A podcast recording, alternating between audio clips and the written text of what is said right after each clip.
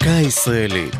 השבוע, המשחקים האולימפיים, והפעם, ענף מנצח. לצד התפוזים והטכנולוגיה העילית, ההייטק, הג'ודו הוא אחד מענפי הייצוא הבולטים ביותר שלנו. באמתחתם של ספורטאי ישראל לדורותיהם, תשע מדליות אולימפיות. חמש מהן השיגו ג'ודאים. תחילתו של שגשוג הג'ודו הישראלי במשחקים האולימפיים בברצלונה, 1992.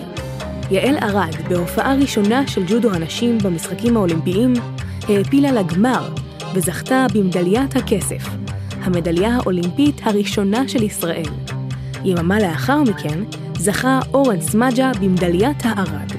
ארד הוליכה ספורטאית למשחקים האולימפיים בסידני, אוסטרליה, וסמג'ה הוא מאמן לנבחרת הגברים שלנו זה שנים.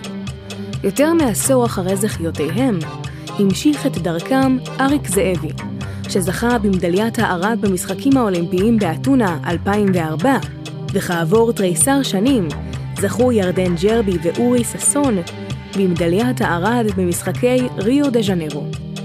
באולימפיאדת טוקיו שתיפתח השבוע, מייצגים את ישראל 12 ג'ודאים, גברים ונשים. זו הייתה דקה ישראלית על המשחקים האולימפיים וענף מנצח. כתבה יובל אונגר, ייעוץ הדוקטור עמיחי אלפרוביץ', הגישה עדן לוי.